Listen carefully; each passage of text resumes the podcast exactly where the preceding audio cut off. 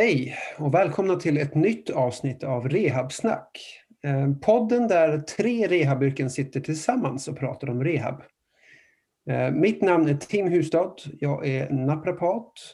Och med mig så har jag som vanligt Peter Lindberg som är fysioterapeut. Eh, god kväll Peter. God kväll, god kväll. Hallå. Hallå. Och ehm, Sen så har vi med som vanligt också Daniel Pantelic, kiropraktor. Hur mår ni grabbar? Vi mår bra. Hej. Det är bra. Hur är, hur är det med dig? Det är bara fint. Det är bara fint. Mm. Eh, spännande grej framför oss här nu. Vi har, eh, idag så ska vi prata om vad man bör göra egentligen när man får in en frusen axel på kliniken. Det får vi ju alla säkert nu och då och eh, ibland kan det vara lite oklart hur det kanske man ska omhänderta det här på bästa sätt. Eh, och för att hjälpa oss med det här så har vi ju då, ehm, vi ska titta på en relativt färsk studie.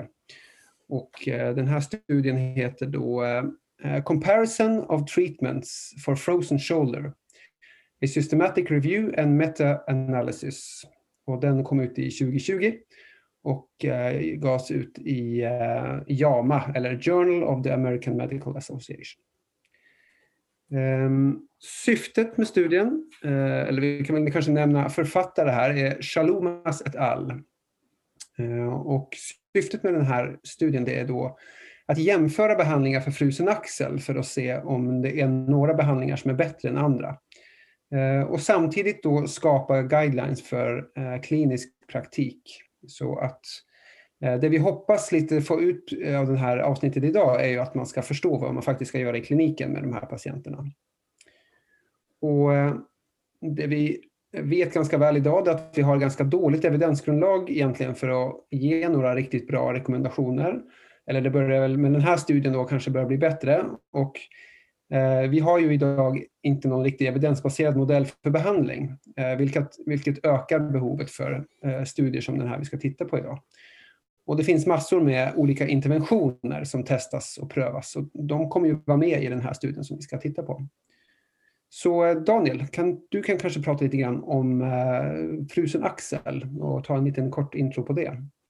Ja, eh, för att då sammanfatta diagnosen lite snabbt så kan man säga att den, den korrekta diagnosen heter adhesiv kapsylit. Eh, det är en oklar patofysiologi men det tros ske en en idiopatisk förtjockning av bindväven kring axelns stödjevävnad, kapslar och ligament. Eh, det finns en ökad risk att få eh, frozen shoulder eller adhesiv kapsulit om man har diabetes eller brist av sköldkörtelhormon, då, hypotyreos. Eh, debuten sker ibland smygande och helt utan känd orsak och ibland reaktivt efter trauma eller överansträngning. Eh, om man någon gång har haft frozen shoulder så har man en 50 risk att få det på andra sidan någon gång under livets gång. Då. Eh, de med diabetes har en ganska hög risk att få det. De har en 10-20% risk att utveckla diagnosen under deras livstid. Eh, även kvinnor har en högre risk. Eh, monotona yrken och där man sitter mycket still ökar risken. Eh, men den generella populationen har en cirka 1-2 i risk. Eh, den siffran ska man dock ta lite med nypa salt för den baseras inte på så mycket men eh, det är en stor skillnad i populationen av de som har diabetes och hypotyreos jämfört med de som är friska. Att risken är väldigt, den relativa risken är väldigt, skiljer sig. Det finns även en risk att utveckla adhesiv kapsulit efter axelkirurgi. Och den är också ganska hög, det är cirka 8% hos män och 12 till 15% hos kvinnor. Eh, det är också en risk som ökar om man har diabetes när man genomgår en eh, operation. Eh, också värt att veta är att av de som har den här diagnosen så ehm, det finns en tumör som drabbar eh, axeln och det är ungefär 1 av alla de här fallen är cancer. Och av de som faktiskt har cancer så har 40 procent av dem fått diagnosen frozen shoulder först och då felaktigt. Eh, någonting som man märker också att en del ställer diagnosen eh, frozen shoulder på magnetkamera eh, och man kan inte se frozen shoulder med bilddiagnostik. Man kan ibland se vissa ledtrådar som lite fyllnad ut i de här recesserna kring axeln men man, det finns ingenting som talar för att det är en frozen shoulder utan det är snarare att man inte ser någonting alls som talar för eh, frozen shoulder då smärtan är så pass stor och man ser ingenting. Um, Frozen shoulder har tre faser som man brukar dela in dem i och den här första fasen, fas 1, kan man kalla för smärtfas. Den håller på ungefär 2 till 9 månader där smärtan lite gradvis ökar, framförallt nattetid. Det är som en träningsverk som gradvis ökar tills personen nästan blir galen av det. Den har svårt att sova, den blir som en tortyr. Ehm, och i den här fasen så kan man inte ställa diagnosen. Man, man kan misstänka den men man kan aldrig ställa diagnosen. Ehm, men sen så övergår det till nästa fas då som är fas 2 och den kan man kalla för den frusna fasen. Den håller på ungefär 4 till 12 månader där man då får en gradvis ökad stelhet. Framförallt så syns det i utåtrotationen. Eh, när frusna fasen är klar, när man har fastnat i utåtrotation och man kan inte abducera eller flektera, så är man normalt sett smärtfri. Eh, men man är stel. Och under fas 3 så har man det vi kallar för upptidningsfasen. Den håller på ungefär fem månader ända upp till två, tre år.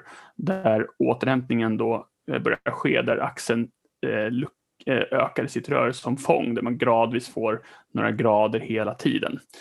Ehm, Tidigare så trodde man ju dock att de här tre faserna var ganska så avgränsade, men senare data har visat att fas 1, 2 och 3 både kan överlappa lite grann och sen kan det gå lite fram och tillbaka. Så fas 1 kan börja gå in i fas 2 och sen går det tillbaka till fas 1 och 2 till 3, 3 till 4. Så det, det håller på ofta lite sådär hoppar. Eh, några patienter upplever att efter man har blivit av med det här äh, klassiska fas 3 så finns det fortfarande kvarvarande stelhetskänsla i axeln. Och risken för de här grejerna äh, är ganska låg men är markant ökad om man har en metabol en endokrin sjukdom, då, alltså diabetes och sköldkörtelsjukdom. Äh, och då, det har man sett att det är ända upp till sex år, det är så långt man har mätt det. Så det var väl det jag hade att säga om Frozen Shoulder, så vi går vidare till studien då Tim.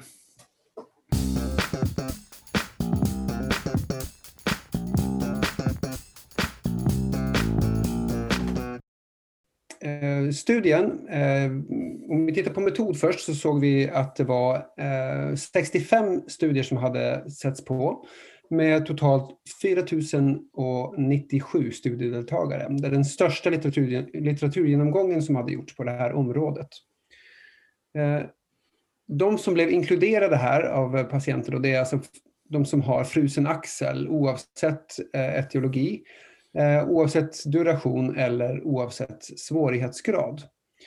Och de behandlingar som inkluderas i studien är alltså vilken som helst behandling egentligen som var eh, beskrivna för frusen axel. Och man eh, gjorde då jämförelse mellan vilken som helst annan behandling eller placebo eller ingen behandling. Och placebo och ingen, ingen behandling kallades ju där här för kontrollgrupper såklart. Och de utfallsmåtten som eh, man tittar på är smärta eh, och då smärta i vila. Eh, funktion och smärta och funktion är de primära utfallsmåtten medan passiv utåtrotation i axelleden är det sekundära utfallsmåttet som de har tittat på. Och tiden, det var som vi nämnde här då, kort tid under tre månader Eh, mediumtid, två veckor till ett år och lång tid mer än ett år. Jag tar snabbt ett par definitioner också eh, för att hålla ordning på det vi kommer att prata om nu strax. Och det är att det som vi kallar fysioterapi i den här studien, eller inte vi kallar, men det som författarna kallar fysioterapi, det är då handledd icke-invasiv behandling som då kan inkludera till exempel ledmobilisering eller värme och kyla, elektroterapi eller diatermi. Eh, och det är då alltså eh, passiva behandlingsformer som vi ser här, som de kallar fysioterapi. Träningsövningar och stretching som gjordes själv av patienten eller blev handledd av fysioterapeut blev inte räknat som fysioterapi i den här studien. Och det får vi ha med oss när vi går vidare. Eh, akupunktur och shockwave blev eh, inte räknat som fysioterapi i den här studien. Och eh, kontrollgrupperna, eh, det är då ingen behandling, eh, placebo, Eh, och då kan det vara intraartikulär eh, lidokain eller saltvatten till exempel eh, och hemträning. Eh, så när vi går över till resultaten då. Eh, och nu är det, det här var en väldigt stor studie och vi har försökt att Eh, korta ner det här lite grann så att det ska vara eh, eh, lite sammanfattning av de här resultaten. Och man har gjort väldigt många jämförelser om man säger så. Men det vi, det vi kan sammanfatta lite mer här då det är att kortison för patienter som har haft frusen axel mindre än ett år verkade vara bättre än alla andra interventioner. Och effekterna kan sitta kvar så länge som sex månader efter en sån här injektion. Och om man jämför med fysioterapi så verkar kortison bättre eh, om man då jämför med eh, enskilda andra behandlingar som man kallar det här fysioterapi.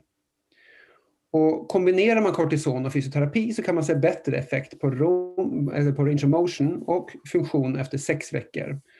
Eh, om man jämför med bara fysioterapi eller bara kortison. Så kombinationen kortison-fysioterapi är något bättre än de eh, ja, ensamma, man säger så. Det verkar inte spela någon roll om du injicerar kortison subakromiellt eller intraartikulärt. Det kan vara värt att ta med sig också. Och om man la eh, till akupunktur eh, till fysio så verkade det inte ge någon extra effekt. De flesta eh, jämförda interventioner verkade ge liknande effekt efter sex månader. Och det här brukar man ofta se kan vara ett Eh, ganska tydligt tecken på ett, ett vanligt naturalförlopp, alltså tillstånd som har läker ut av sig själva. Eh, då brukar ju interventioner kunna eh, ge liknande effekter helt enkelt. Och eh, hemträning med enkla range of motion-övningar, då med eller utan kortison eh, och stretch, verkade ha positiva effekter på smärta på kort sikt. Så hemträning verkade vara eh, en ganska bra lösning i alla fall på kort sikt. Då. Och den här studien kom fram till att kortison även kan ha positiva effekter i freezing phase eh, och inte bara i den smärtfulla fasen. Och om jag tolkade dig rätt Daniel så var den här freezing phase eh, fas 2, var det inte så? Ja. ja. Så när de inte har så ont också så kan det vara, ha positiva effekter. Ehm, bra, och nu då konklusion eller vad de kommer fram till som den kliniska rekommendationen för oss eh, terapeuter. Då. Eh, och det här ska sägas är för patienter med frusen axel mindre än ett år, för de har bara tittat på patienter som var, hade haft det här mindre än ett år. Eh, och då såg man att kortison har bättre effekt på kort sikt än alla andra behandlingar. Och med möjliga effekter även på längre sikt. Så absolut, eh, kortison vinner den här tävlingen kan man säga med de andra behandlingsformerna. Eh, studien rekommenderar kortison vid första kontakt tillsammans med ett hemträningsprogram. Och det här kan suppleras med fysioterapi och då är det elektroterapi eller mobilisering. Eh, passiva behandlingar då för bättre resultat vid sex månader. Och eh, de eh, noterar också att vi ska alltid informera patienten om att frusen axel är ett självläkande eh, besvär som varar från flera månader till över ett år. Yes. Och några svagheter lyfts också i studien med den här, eller som, det finns en del svagheter med studien som lyfts upp och det är att eh, konklusioner om specifika behandlingar eh, i olika faser kan inte göras. Så vi vet inte helt eh, Eh, vilka specifika behandlingar som skulle kunna vara bättre i vilka faser av eh, förloppet, tyvärr. Och hemträning var väldigt dåligt beskrivet. Vad, vad innebär det egentligen? Och, och, hemträning rekommenderas ju här, så det måste man ju fundera lite på. Vad, vad innebär det egentligen? Eh, och sen att fysioterapi blev ju en mix av interventioner och det är svårt att säga kanske vad som fungerade egentligen bäst av de här interventionerna.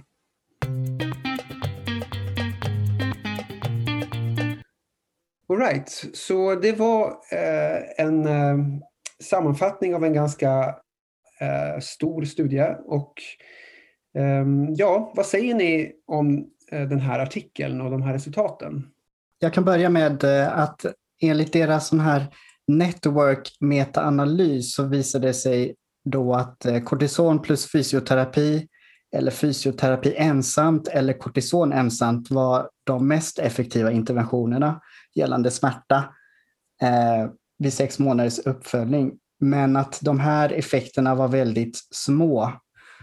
Så att då kan man ju ställa sig frågan liksom hur värt det är med eh, interventioner och när man ska lägga dem och hur mycket man ska ösa på om man säger så. Eh, men annars så tar jag med mig från den här artikeln att eh, jag i större utsträckning kommer att börja rekommendera kortisoninjektion vid fas 1 då, vid behov. Eh, men såklart vill jag inte rekommendera det liksom till höger och vänster slentriant. Men å andra sidan, eller just för att vi kan inte riktigt ställa diagnosen frusen skuldra vid fas 1, men vi kanske kan ha mer eller mindre starka misstankar om diagnosen om man har annan samsjuklighet och sådär. Eller kanske vid övergången från fas 1 till 2 när den här tydliga inskränkningen, inskränkningen av utrotationen kommer fram. Um, den här artikeln tycker jag är ett konkret exempel på varför det är viktigt att läsa innehållet i artikeln istället för enbart abstractet. Som du sa Tim, det här med hur man definierade fysioterapi eller vad man inkluderade för interventioner där var ju bara passiva metoder. Så man inkluderade ju inte träning, vilket är, är konstigt. Eh, men så har man valt att, att göra då. Ehm, och ehm, sen tänkte jag på det här med eh, kortisoninjektion. Och när, när det gäller liksom läkemedel och alla typer av behandlingar egentligen så vill man ju Eh, kunna ställa det mot placebo. Och då var jag tvungen att kolla upp de här enskilda artiklarna som var med i, i den här reviewn. Och det var, jag fick det till fem studier eh, som hade jämfört då kortisoninjektion mot en placebo saltlösningsinjektion. Och samtliga av de fem visade på att kortisoninjektion hade en signifikant större effekt än placebo. Så då kan man ju lita på det i alla fall. Um, sen Författarna konstaterar sen att eh, man tycker att det behövs göras fler studier som jämför kortisoninjektion med fysioterapi för att med större säkerhet kunna säkerställa resultaten eh, om man skulle ställa dem mot varandra. Och sen som du sa där, en begränsning i den här reviewn är eh, det här med doseringen på hemträningen eller träningen. Eh, att det kan vara så att vissa träningsinterventioner är effektivare än andra och det är ett problem med, med många studier att man inte har tydliggjort doseringen av träningen. Så det är några tankar. Mm. Bra. Uh, ja, nu tog du upp mycket där, men uh, för mig så var det så att uh, den här studien påvisar något som liksom var känt sedan innan, att rehab vid just fas 1 och 2 inte har särskilt stor effekt. Det, det finns en effekt, men den är eh, väldigt begränsad och att om man nu ska tänka kostnadseffektivitet, om det är privatvård, landstingsbaserad vård, vad det må vara, så är det i fas 3 där rehab är viktigt för att återfå funktionen. Det har väl egentligen inte med själva diagnosen i sig att göra, utan det är väl för att börja förebygga för, eh, eh, för, att förebygga framtida men från liksom resten av det här. Man har ju varit immobiliserad ganska länge med axeln och muskler förtvinar ju. Så det är viktigt att få tillbaka både range of motion och eh, funktion i både muskler och senor. Eh, så det är väl det jag tar, tar till mig från studien. Sen det här som du nämnde med att kortison är bra i början, det, det är någonting som man lite grann får informera patienten om, men samtidigt så det har ju lite att göra med hur stor smärtan är. En del patienter har ju väldigt stor smärta, en del kan hantera den ganska väl och alla ingrepp har ju en risk. Eh, även om kortison är en låg risk så finns det en risk och patienten måste ju vilja ha en kortisonspruta eh, och det är inte jättestor effekt av det heller utan det är en, det är en effekt på smärta och lite att det kanske blir lite bättre längre fram men det är ingen stor effekt. En liten effekt. Eh, och patienten ska väl få göra ett aktivt val. Att säga att man, att man ska rekommendera kortison eh, vet jag tänkte om jag riktigt tycker att det här, även om de säger det så tycker inte jag att effekten är tillräckligt stor för att säga att du bör göra det. Utan man bör bara säga att okay, det finns en effekt av kortison. Är det någonting du skulle vilja diskutera med en läkare eller ortoped? Då? Ehm, jag, jag, skulle inte sträcka mig så långt som att jag skulle säga att okej, okay, kortison, det, det ska du ta. Ja, det, det låter klokt tycker jag. Um, om, man, om jag tittar på studien lite grann i ett fågelperspektiv så tycker jag väl att, eh, att det mesta låter rätt logiskt. Um, man har ett självläkande tillstånd som uh, ja, domineras av inflammation har ju jag uh, tänkt hela tiden. Um, det är det väl i, alla fall, Daniel. Du, du nämnde bara inledningsvis här att uh, det var inte adherenser och uh, ingen riktig kapsulit. Men en kapsulit då tänker jag inflammation. Uh, menar ja, du att, inte, att det inte är inflammation involverat? Nej, nej, det är att själva namnet kapsulit talar för liksom en inflammerad kapsel, vilket ah, inte är ett det, du behöver inte se någon inflammation överhuvudtaget på magnetkamera. Så det mm. behöver inte finnas en en inflammation på det viset för att vara en eh, frozen shoulder. Eh, mm. Utan det är förtjockningen av eh, bindväv som är själva diagnosen. Sen så kan det bli inflammerat och göra väldigt ont. Eh, men det är inte, diagnosen i sig är inte inflammerad axel utan det är förtjockning av bindväv av okänd orsak. Precis. Mm. Okej, okay. men i alla fall, det, jag tycker det låter logiskt. Alltså, man har ett självläkande tillstånd som, som domineras av inflammation och då tänker jag att det, det bör vara effektivt på kort sikt att ge en, en stark inflammationsdämpande medicin. Och, samtidigt som att kanske andra interventioner endast ger små eller inga kliniskt relevanta effekter eftersom att det ehm, ja, i tillståndet domineras av ett självläkande förlopp helt enkelt. Eh, mobilisering kan öka range of motion eh, men det kanske lika mycket handlar om att man jobbar bort lite rörelserädsla eller ökar toleransen för smärta och sånt här i ledens ytterläge. Det, det, tycker jag i alla fall själv att jag kan se med de här patienterna när man har liksom försökt att jobba upp rörlighet.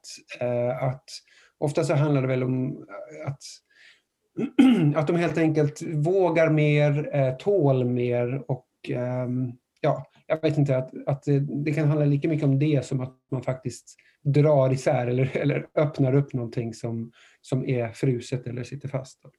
Mm. Man kan ju som en kommentar på det, eh, när man har de här patienterna och sig, så som vi sa, det fas 1 är ju, behandlas ju som ett kuffsyndrom. Eh, man vet ju inte att det är frozen shoulder förrän den går in i fas 2, så man har ju redan där börjat med mobilisering, man har redan där börjat med träning, precis så som det sig bör. Eh, men patienten blir ju bara stelare och stelare oavsett att man har börjat med det. Mm. Så att det är klart man kan börja med det i fas 2, men man har ju redan börjat med det i fas 1 och ofta är det ju att det, det ger så pass mycket smärta efter ett tag att personen tröttnar och, och, vill inte för det gör för ont. Och det är klart att det kan ta bort rörelserädslan men smärtan i sig är ju så pass stor ofta för dem att det, det är svårt att inte vara rädd för rörelsen.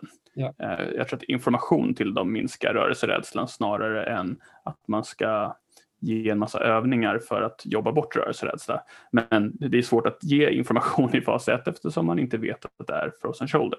Så det, här, det, här är, det här är en lurig diagnos. Jag, jag förstår att det inte alltid blir rätt i fas 1. Ja, eh.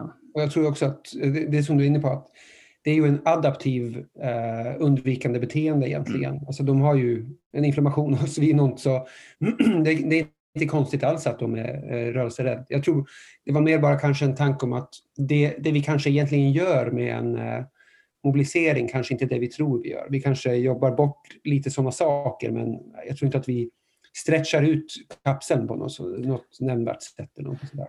Nej, det, det, tror inte jag heller. Jag tror också att det, den kraften det skulle krävas för att få en kapsel att bli rörligare i det här förloppet, att det skulle på något vis bota stelheten som håller på att ske. Eh, den kraften skulle vara så pass stor att smärtan skulle vara tortyr.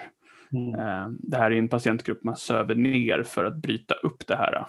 Eh, och det är inte någonting man gör på någon i vaket tillstånd för det är svårt att se hur man skulle kunna få till det. Mm. Ehm, men absolut all rörelse, alltså, om du tränar dem, om du rör dem, så länge man kan det så är det ju bra. Men det kanske förhindrar framtida men, men det, det stoppar inte fas 2.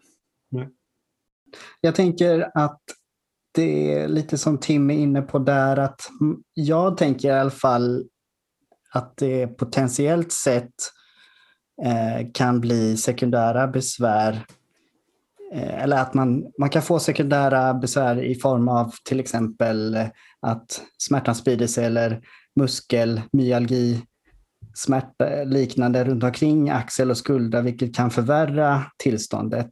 Så jag tänker att det är någonting som man ändå kan jobba med samtidigt på något sätt när man pratar om eh, prognosen men också information och det här med rörelserädsla och sådär. Mm. Ja, jag tänker också på att eh, vi, vi naprapater jobbar ju väldigt mycket med, med mjukdelsbehandling såsom massage och triggerpunktsbehandling och sånt där. Eh, och då måste man ju också säga att det har ju också varit, i, i alla fall de första åren av min karriär så har jag jobbat mycket med det, med de här patienterna, de få patienterna man nu har träffat.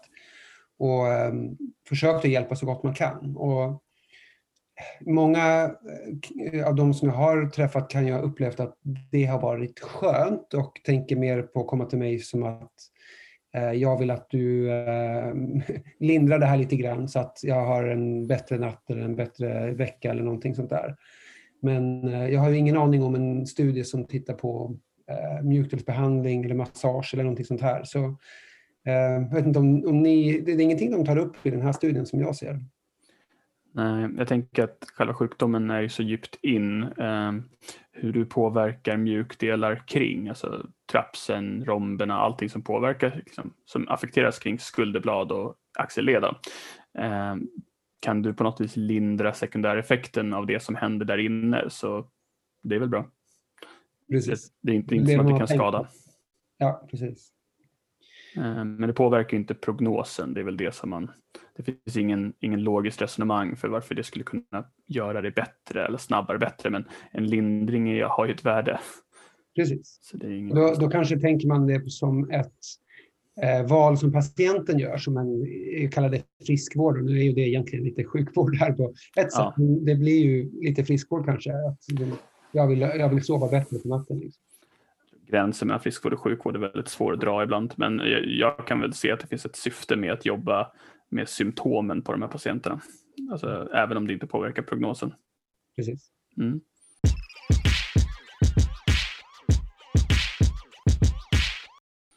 Um, men då kanske vi ska prata lite grann om just, eftersom vi håller på att gå in på det nu, hur den här studien påverkar det kliniska arbetet. Um, du sa ju där Peter att du tar till dig att du kommer börja rekommendera kortisoninjektioner uh, som du inte gjorde tidigare. Uh, är det något annat? Uh, nej men precis. Alltså, jag är ju generellt sett uh, restriktiv med att rekommendera Eh, läkemedel och sådär. Det ligger ju inte riktigt på mitt bord ändå. Men att jag är lite anti läkemedel generellt sett. Om man, men, men däremot eh, liksom att jag kan se att det finns en plats för det vid behov. Men det ska vara den avvägning som man gör precis som du var inne på Daniel, så att jag skulle inte rekommendera det som, som jag sa, liksom slentriant, utan det skulle vara såklart en, en bedömning. Men som vi pratade lite om innan vi började spela in där, så de här patienterna kan ju ha väldigt mycket smärta eh, i fas 1, att det kan störa dem väldigt mycket. Och jag har eh, hört, kanske inte det mest pålitliga, men, men eh, patienter eller bekanta som har fått en kortisoninjektion, vilket har gett en dramatisk förbättring på både smärta och rörlighet. Um, så jag tänker att det kan ändå finnas en plats för det och det, det verkar ju den här artikeln också bekräfta. Ja, min, min tanke kring det är att eh, kortisoninjektioner i axeln som ger en dramatisk förbättring av rörelseomfång ger det på guarding, eh, alltså att de har guarding, det gör ont och därför spänner de axeln och när smärtan minskar så minskar också eh, begränsningen. Mm. Att det inte egentligen är kapsulär stelhet utan att det är mer av en muskulär eh, guarding eh, förlopp. Mm, precis. Ehm, eftersom det inte är själva inflammationen som begränsar range of motion. När man väl kommer till fas 2 så är ju inte range of motion speciellt smärtsamt utan det tar bara stopp. Eh, vilket är ju mer en förtjockning. Det, det är den mest troliga eh, patofysiologin, även om vi inte kunnat bevisa riktigt, så att det helt enkelt inte finns utrymme för axelkulan att röra sig inom kapseln. Eh, och att inte själva inflammation, inflammationen kanske är symptomdrivande i fas 1 Men i fas 2 så är det egentligen bara att det finns inte utrymme. Mm. Mm. Annars tänker jag, det är kanske inte från artikeln egentligen, men, men just att det, det, är så viktigt med information om själva tillståndet och prognosen, att den, är, att den är god på sikt. Men också att man kanske ska ha en fortsatt kontakt med dem. Inte att man har dem liksom pågående och, och träffar dem eh, varje vecka eller sådär, men att man kanske har någon uppföljning eller så att de vet att, de, att, att jag finns där och, och, de kan höra av sig till mig vid behov eller om de har någon fråga eller sådär. Det kan ju vara viktigt, som vi pratade lite utanför här, att man känner som patient att man har ett stöd och att man har någon med sig under, eh, under den här processen. Mm. mm. Ja, hur, hur, jag jobbar? Jag jobbar ju, ganska, jag jobbar ju primärt sett med axlar och eh, jobbar ju då ofta second opinion mot andra där de redan gått på en annan rehab eh, och får ju de här till mig då, då eh, i högre utsträckning än vad eh, andra får verkar det som. Eh, jag gör så att när jag får en fas 1 eh, då behandlar jag dem som rotat och syndrom för jag vet ju inte något annat. Eh, jag utesluter rupturer, jag försöker utesluta cervikal genes, men om jag inte hittar någonting så behandlar jag dem som att det skulle vara en kuffsyndrom. Men sen så lägger jag alltid inom parentes att det skulle kunna vara en frozen shoulder. Speciellt om personen är i rätt ålder och om de har någon grundsjukdomar som talar för det. Och jag informerar också patienten att vi, vi utgår från att det, det, är det här, men det skulle kunna vara det här, men det kommer vi att märka och jag kommer följa med hela vägen.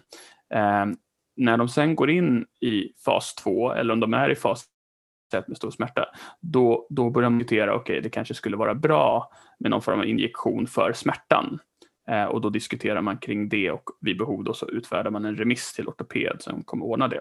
Man diskuterar även andra saker som eh, eh, hydrodilation eller en, eh, mobilisering under, nar, eh, under narkos. Man, man diskuterar vilka alternativ patienten har. Sen får patienten välja själv vad den gör. Men man är ganska tydlig med att prognosen är god, det håller på så här länge ungefär och i fas 3, det är då vi kommer börja med väldigt mycket styrketräning för att återfå funktion, man, mycket det här med egen mobilisering i alla vektorerna. Så man, man ser till att patienten vet att det kommer komma en fas där vi kommer göra väldigt mycket. Och just nu så är det inte så mycket vi kan göra, men vi kommer ha en kontakt under hela förloppet, att du kommer inte stå ensam i det. Patienter, jag upplever att patienter är ganska oroliga under det här. Det kan ha ett jobb som är ett problem och då får man ju säga att det är dags att börja prata med chefen om arbetsanpassning. Eller så kan det vara att hur ska jag med sjukskrivning? Så man förklarar att det här är inte ett okänt tillstånd utan behövs det sjukskrivning så blir man sjukskriven för det här. Men att man måste se till att få en arbetsanpassning eftersom det håller på så länge. Att Försäkringskassan kanske bråkar med det efter ett tag. Så att man, det gäller att förklara hela förloppet för patienten och att förklara att det är skit att ha det. Det är hemskt, men det försvinner.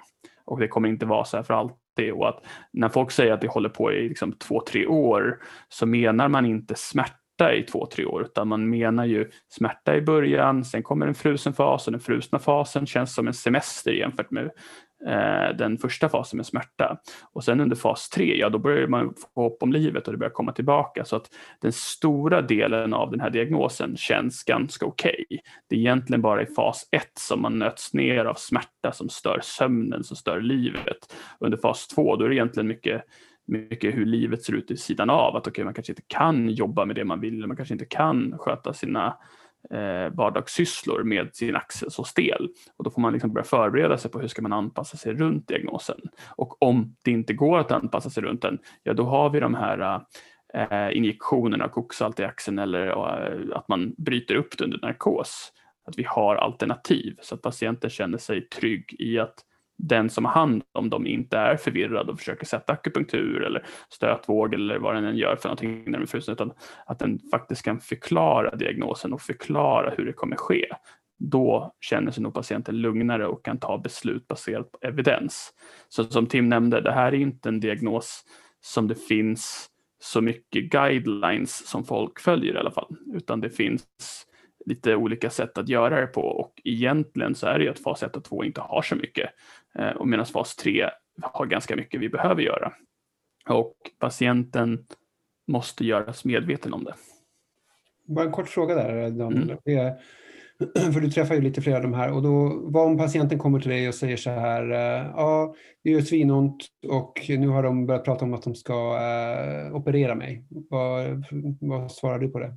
Är det om de har svinont så är de ju då ofta i fas 1. Eh, och då brukar jag säga att eh, det ska de inte göra, för det, är, det vi opererar för är själva stelheten. Eh, under precis fas 2. Utan smärtfasen, då har vi mediciner, vi har eh, injektioner. Det är fas 1. Om någon säger att okay, jag har så ont och de ska operera mig, då säger jag att de ska avvakta. Då måste man veta vad, vad är det som ska opereras överhuvudtaget. Det kommer inte hjälpa att göra någon subakromiell dekompression eller så, men det, det, är ganska sällan, jag har nog nästan aldrig stött på att en ortoped ger sig på att operera någonting konstigt i fas 1, utan det är det som kommer i fas 2 som de säger, okej, okay, vi kanske ska mobilisera den. Men de säger ofta till patienten att, okej, okay, vi tror att du har frozen shoulder, vi vet inte, men det verkar vara ett hör av dig om du vill ha behandling. Din, eh, annars är det tillbaka till rehab. Mm. Så det, det, är egentligen inte en fråga som ofta ställs för. Det är klart att det händer att personer erbjuds någon operation av någon, men det är väldigt sällan. Men de gånger det har hänt, har jag sagt att det är nej, du ska inte operera axeln i fas 1. Nej, nej var, egentligen var det inte fas 1. Jag, jag, eller det var inte det som var fokuset. Fokuset var mer om de frågar eh, om operera över, överhuvudtaget. Ja, och då tänker du på narkosmobiliseringar?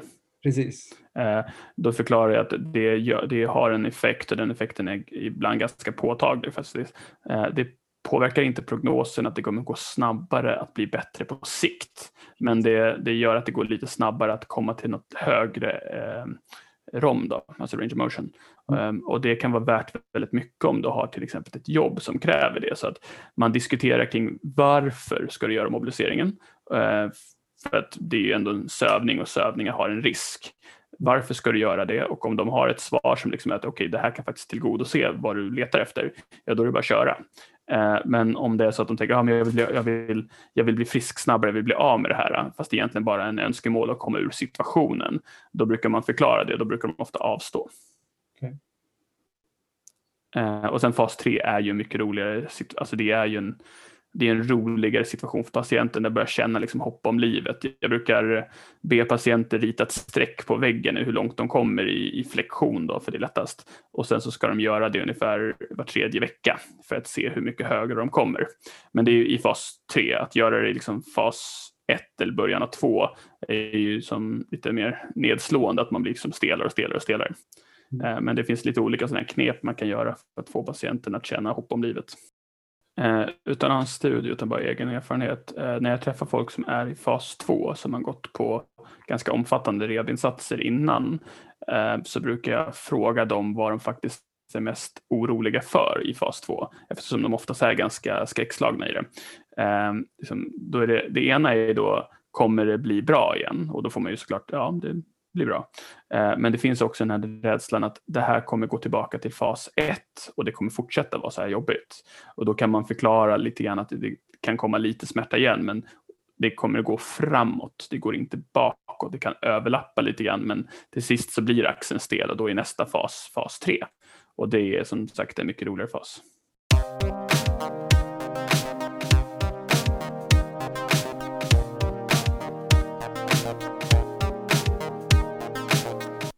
Okej, bra diskussioner hörni. Jag, jag tänker att vi eh, ska försöka avrunda det här avsnittet lite grann då eh, på Frozen Shoulder och fokus här har ju varit på behandling.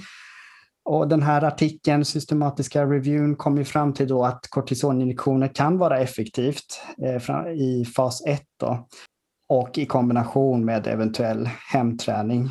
Eh, vi har också pratat då om att det är väldigt viktigt med information till patienten om det här tillståndet och om prognosen och utveckling och de här olika faserna eh, är väldigt viktigt för att minska oro hos, hos eh, patienterna. Och sen att man kanske lägger lite mer krut då i fas 3 när det eh, är lite mer adaptivt och eh, att det kan hända saker. Har ni någonting som ni skulle vilja tillägga annars? Mm, nej, jag vill väl egentligen mest understryka det här med att inte ställa diagnosen frozen shoulder förrän personen är stel. Just det. Mm. Mm. Och att ha i åtanke att det finns andra sjukdomar som liknar frozen shoulder. Eh, mest då är det här med eh, artros i geoleden ger ju nedsatt utåtrotation. Cancer i axeln är viktigt att man utesluter och att man kanske då kontaktar läkare för det och om personen inte har en diagnos diagnostiserad diabetes eller hypotyreos att också fråga lite kring de kliniska fynden som man får kring dem och kanske också eh, be patienten kontakta sin husläkare för att titta om de har något sånt, för det är inte bra att gå obehandlad. Just det. Snyggt. Ja. Bra hörni. Eh, tack för idag säger vi väl då. Mm. På återseende. Tack för ikväll. Tack ikväll grabbar. Hej då.